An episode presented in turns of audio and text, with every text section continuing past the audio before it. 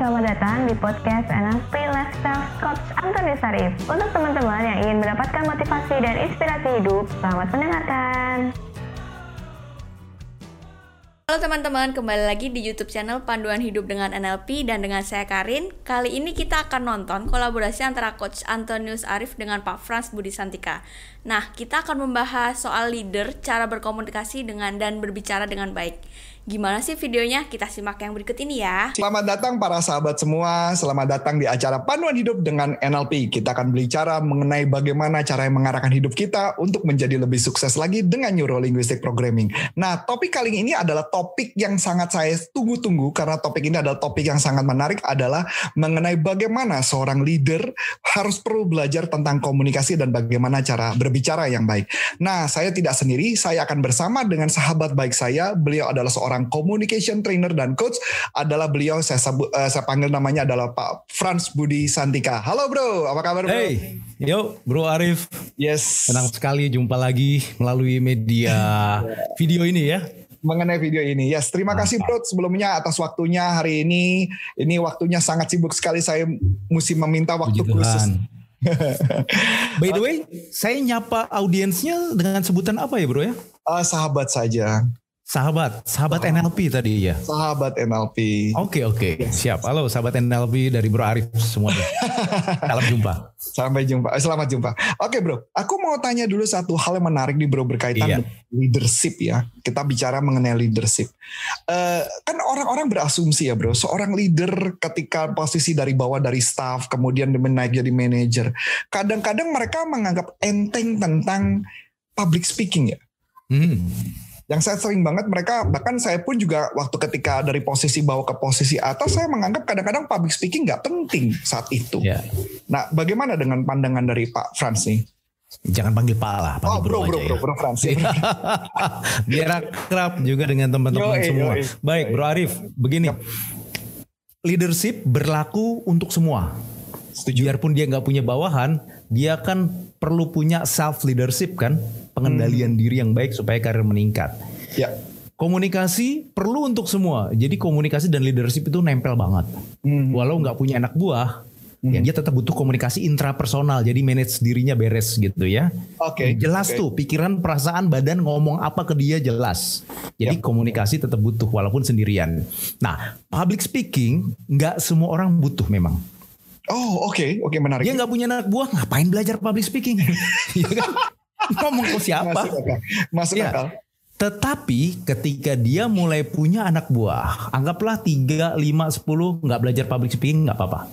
Tapi lebih dari itu, maka dia butuh. Atau dia nggak punya anak buah, tapi posisi dia kunci, posisi teman-teman. Misalnya apa? Anda programmer spesialis nggak mau diangkat jadi manajer karena Anda expert banget satu bidang. Suatu hari Anda disuruh presentasi di depan BOD, di depan para manajer berbagai divisi. Nah, butuh nggak public speaking? Mau Baru nggak mau, mau nggak mau, mau nggak. mau nggak mau. Mau. Karena sebagus apa pun ide kita, kalau disampaikan dengan cara yang nggak pas, nggak meyakinkan, berantakan dijamin. Ah, Konten nggak berarti apa-apa tanpa diri kita yang membawakan dan tanpa cara kita menyampaikannya. Gitu bro. Oke, ini menarik nih. Boleh kasih tips nggak kira-kira? Tips apa ya? Anggaplah memang kalau lebih baik memang kalau mengikuti kelas tentunya ya kan. Apalagi kalau mengikuti kelasnya Pak Frans Budi Santika, betul nggak? Iya nggak? Mantap, terima Nah. kasih. Dan satu lagi bro, Silakan, silakan. nyala sedikit. Public speaking saya ala NLP, penuh bermuatan NLP. Jangan khawatir, nggak akan mumet, enjoy dan lupa waktu pastinya. Kan di luar sana bro katanya public speaking nggak usah pakai NLP, ngapain aneh-aneh pakai NLP, bikin pusing. Ah berarti dia nggak iya? paham NLP. Oh, ada yang ngomong Ada. gitu ya bro? Wah menarik tuh, menarik tuh. Oke Nah. oke lanjut bro, silakan silakan. Jadi kalau saya ingin tanya gitu ya, tips apa sih yang mungkin bisa kita bawa mereka bawa pulang ya, para peserta bisa bawa pulang mengenai public speaking ya, berkaitan atau mungkin bagaimana cara berkomunikasi. Kalau misalkan kasih tiga tips yang harus dilakukan seorang pemimpin ketika berkomunikasi dengan bawahannya, Ya tiga kunci. tiga kunci. Yang paling fundamental. Satu, confidence. Jadi kuasai diri sendiri dulu.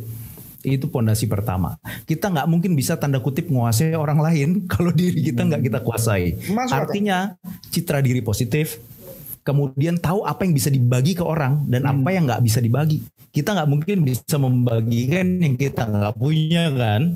Hmm. Jadi clear dengan diri sendiri. Nah ilmu NLP kan kepake banyak bro di situ ya.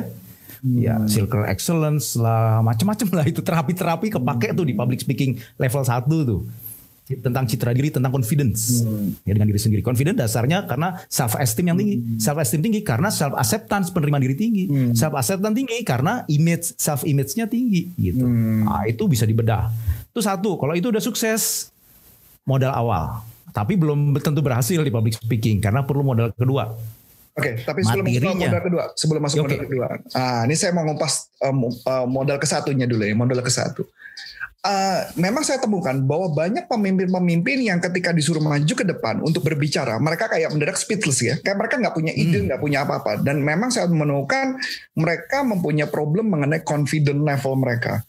Yes. Ah, boleh di-sharingkan sebenarnya apa yang terjadi di kepala mereka ya dari sudut Pak Frans tentunya, Bro Frans. Yes.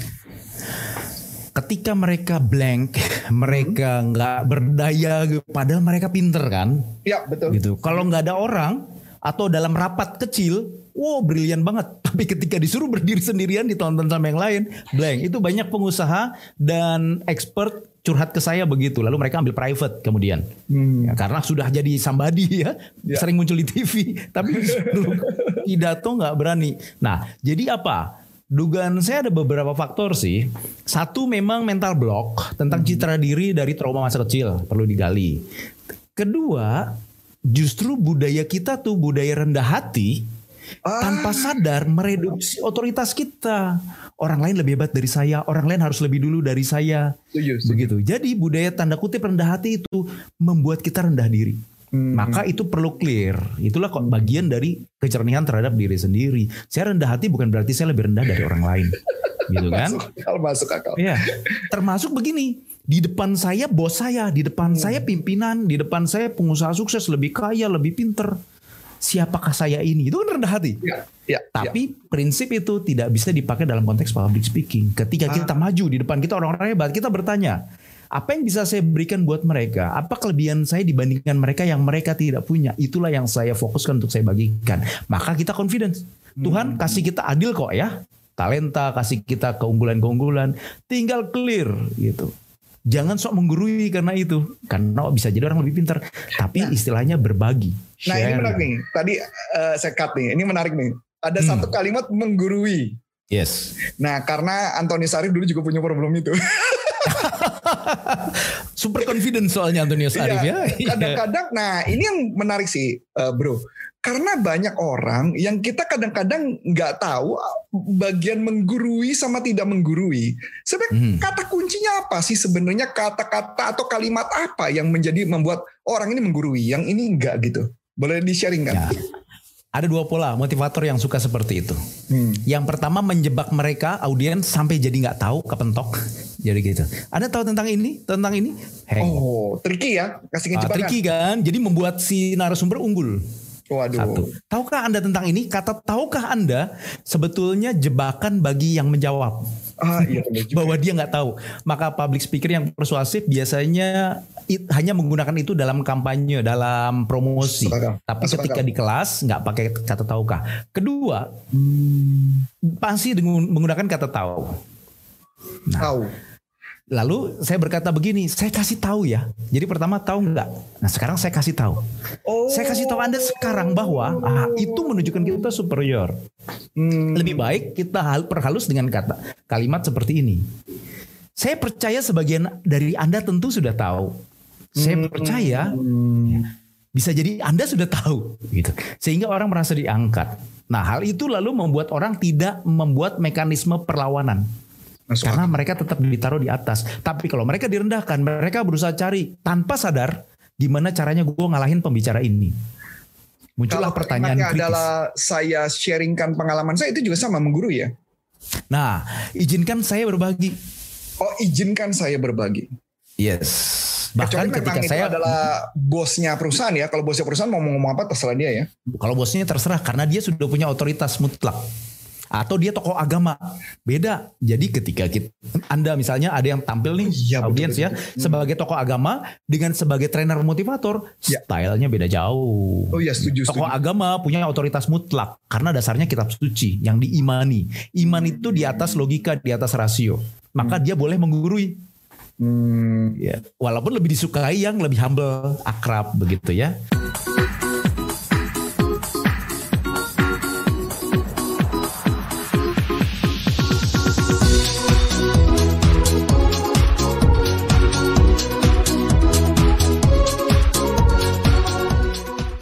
Nah, ini saya mau buka-bukaan juga nih menarik nih Bro Franz. Selama ini ketika saya diskusi Ya. dengan para pakar-pakar public speaking dan sebagainya tentang kalimat menggurui itu saya tidak pernah dapat contohnya konkretnya. Dan thank you banget hari ini saya dapat contoh contoh Sama. konkretnya. Nah, ini yang menarik eh, para sahabat NLP ya bahwa eh, Bro Franz ini benar-benar menguasai dan dia mengasih tahu bukan cuma hanya mengatakan tidak boleh menggurui tapi ada tips triknya. Karena ada orang cuma bilang jangan menggurui. Seperti apa ya pokoknya jangan menggurui. Kita pusing. Dan menggurui itu kayak apa? Menarik menarik menarik. Thank you thank you. Oke tadi yang pertama ya tadi mengenai confident ya. Jadi Iya. tiga tips tadi confident. Yang kedua apa ya Nah, satu confidence ke dalam, kedua confidence keluar. Artinya bagaimana? Bahwa saya percaya orang di depan saya baik, satu orang baik. hmm, Kalau dia nggak baik, berarti nggak beres pada dirinya atau pada situasi di sekitarnya. Hmm. Bukan salah Anda kalau dia menjadi nggak baik. Tapi kalau Anda menjadi pemancing, dia menjadi nggak baik, nah Anda perlu introspeksi. Ada cara saya yang mungkin nggak pas kepadanya. boleh boleh sharing kan Nah, misalnya tadi saya kasih tahu ya, tiba-tiba Oh. orang ini jadi suka mengkritik. Oh, berarti kalimat saya kasih tahu itu kalimat berbahaya baginya sensitif, menjadi feedback seketika bagi kita. Gitu. Ketika teman-teman sudah biasa ngomong di depan umum, setiap feedback audiens nggak hanya kata-kata loh, perilaku, begini, begini, itu semua memberi pesan bagi kita dan kita langsung seketika mengubah gaya bicara, mengubah pilihan kata, bahkan mengubah blocking titik berdiri. Begitu. Hmm. Kalau rata-rata sudah mulai defend, saya biasanya lebih mendekat dan saya mulai membuat cerita.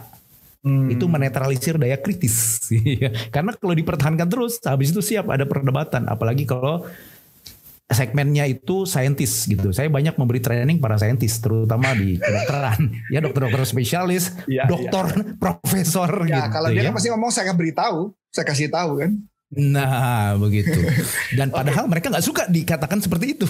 Oh oke oke. Saya udah Iya. dapat got the idea. Berarti yang kedua adalah bagaimana bisa memberikan confident kepada orang lain.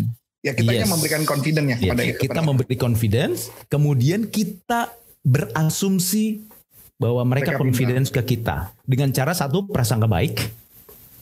Apa pun yang dilakukan, lihat intentionnya. Misalnya Ah. mengkritik, oh dia mau eksis, oke saya kasih dia eksistensi. Mengkritik, ah dia butuh ilmu baru, saya ajak dia berdiskusi untuk ilmu baru, kan kelihatan. Begitu. Nah, personal intention itu yang kita baca secara subtle, secara nggak sadar ya. Dia sendiri mungkin nggak sadar, nggak bisa setuju, mendefinisikan. setuju, setuju. Kita bisa baca, kita kasih dia happy. Bro Arif, saya banyak dapat audiens yang tanda kutip memang kritis. Biasanya di kelas public speaking, smart public speaking, saya sebut itu tipe teroris. Karena dia punya paham-paham yang nggak tepat.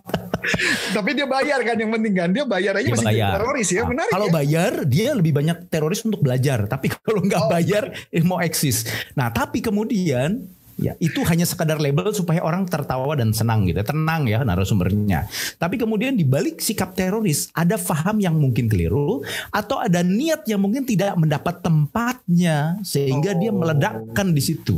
Hmm. Nah, niat apa tadi? Mau eksis, mau kelihatan pinter, mau bergembira di situ, Nah, atau mau supaya jangan direcokin. Misalnya dia datang ke situ memang maunya hanya sekedar nemenin, nggak mau sibuk-sibuk, Hmm. tapi trainer, pembicara nanyain terus. Iya, Seperti iya, iya. neror Saya dia tahu, kan? Saya tahu, saya tahu Oh, kondisi kayak gitu. Ya, ya, ya. Oke.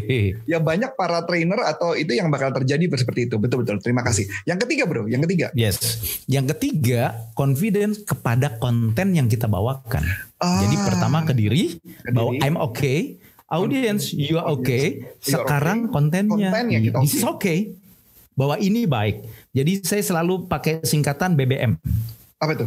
konten itu. Pertama pastikan dia benar, Benar. minimal benar dari sudut pandang teori ilmiah. Oke. Kalau yang lain nolak nggak masalah. Pegangan kita teori itu. Kalau digugat, ya suruh mereka gugat si pencipta teori itu.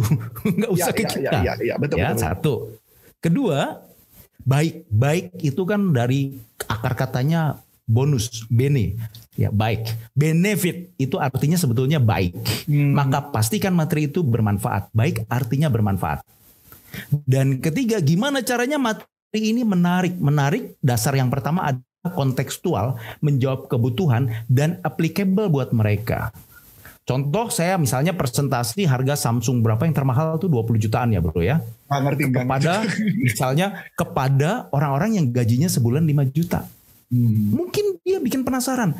Tapi menarik mungkin. Tapi kontekstual nggak? Nyambung nggak? Kalau nggak mereka malas dengar. Cuma sekedar tahu oke lah. Tidak Ya, ada daya dorong mereka untuk mencari lebih dalam. Nah, konten ini perlu diol, dikuasai dulu dan diolah sedemikian rupa sehingga kita nyaman membawakannya. Ya, kita punya hati nurani. Kalau kita meragukan konten, kelihatan di badan kita, di ekspresi kita. Ya, ya, ya. Apalagi kalau Ya, yang kita katakan itu salah.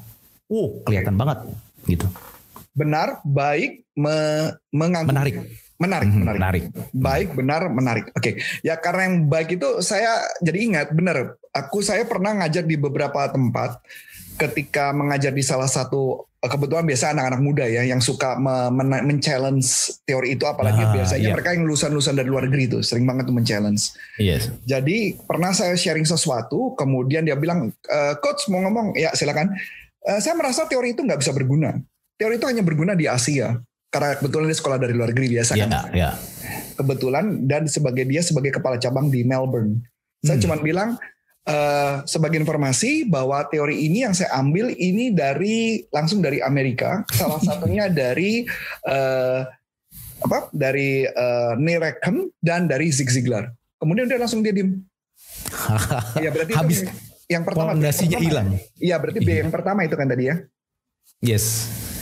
Jadi Begitu, selama selama itu dia di, di, di, di- diucapkan maka itu akan selesai kan makanya seperti itu ya betul ya gitu ya.